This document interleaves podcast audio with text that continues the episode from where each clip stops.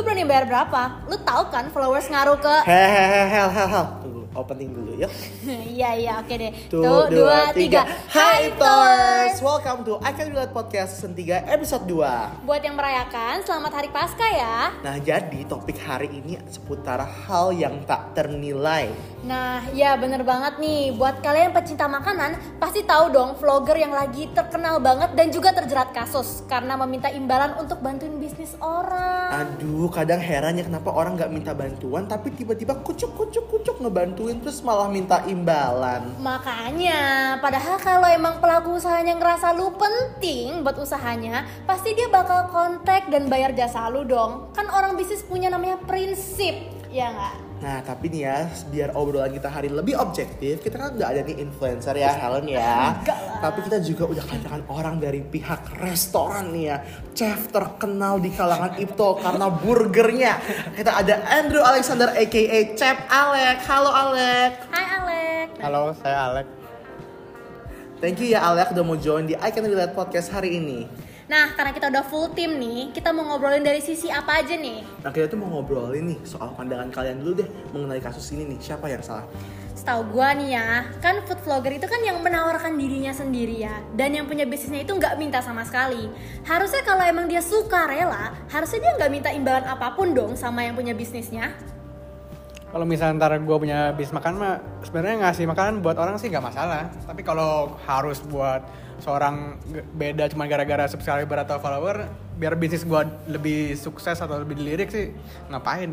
Ya bener. Big no kan ya. Ini sih yang dimasalahin karena kalau mau ngepromosin makanan mesti ya apa adanya gak sih? Kayak Hmm, porsi bener. lo segini ya udah segini aja kasih aja segitu. Even tuh ke influencer ataupun youtuber yang terkenal gitu. Hmm. Daripada nanti tuh gak sesuai yang orang dapat sama influencer dapat Terus di up di Twitter atau TikTok Terus namanya anjir se-Indonesia harus klarifikasi. Nah makanya bener banget. Gue sih meskipun masih influencer kecil gitu ya Tapi kan gue juga harus mikirin dong ya Penikmat konten gue Mereka follow berarti mereka mengharapkan hal yang jujur dong dari gue Gak mungkin dong gue ngibul ya kan Ya, tapi masalahnya nih, masalah ini tuh udah mendarat aja nih treat orang lain dengan privilege udah jadi hal yang nggak baru di Indonesia nih. Hmm. Nah, apalagi kalau ngeliat artis biasanya restoran-restoran tuh langsung act different gitu.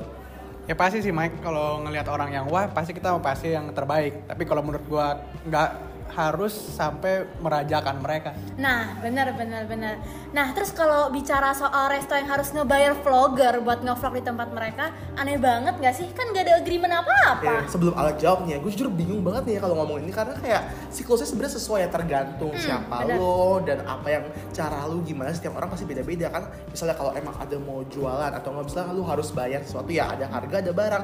Cuma males ya tuh kalau misalnya dia maksa bayar tuh, terus dia labelin dia sebagai membantu. Ya kalau nagih uang masa dibilang membantu, artinya mah bayar jasa itu.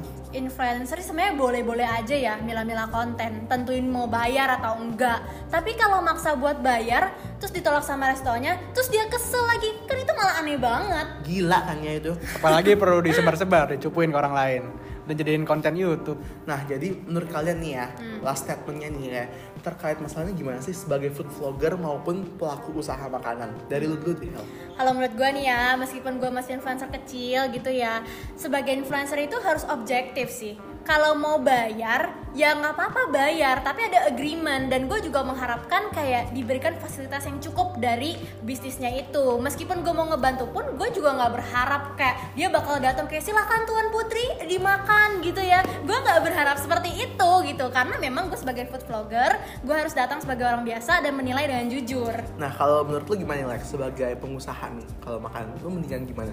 Ya kalau gue sih jadi bisnis nggak mau pusing sih ya. Kecuali kalau emang misalnya gue invite dia buat promosiin ya pasti harus ya vali- Fasilitasi. ya Yes, itu maksudnya yes. fasilitasi tapi ya nggak harus gimana-gimana juga.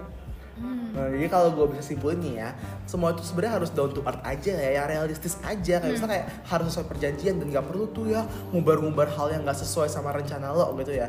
Jadi kalau kalau gue menurut gue sih nggak perlu tuh ya bawa-bawa yang tak ternilai dan songong-songong minta bayaran. Nanti kalau ada customer kayak gitu sih gue usir sih. Bener bener. Ya udah deh segitu dulu ya obrolan kita hari ini. Semoga bisa bermanfaat dan bikin kalian sadar. Kalau membantu ya wes membantu aja. Bedain bisnis sama membantu ya guys. Bener bener bener bener banget. Ya udah deh ya. Sampai sini dulu episode kita. Aku Michael Chandra. Dan aku Helen. Aku Alex pamit undur, undur diri.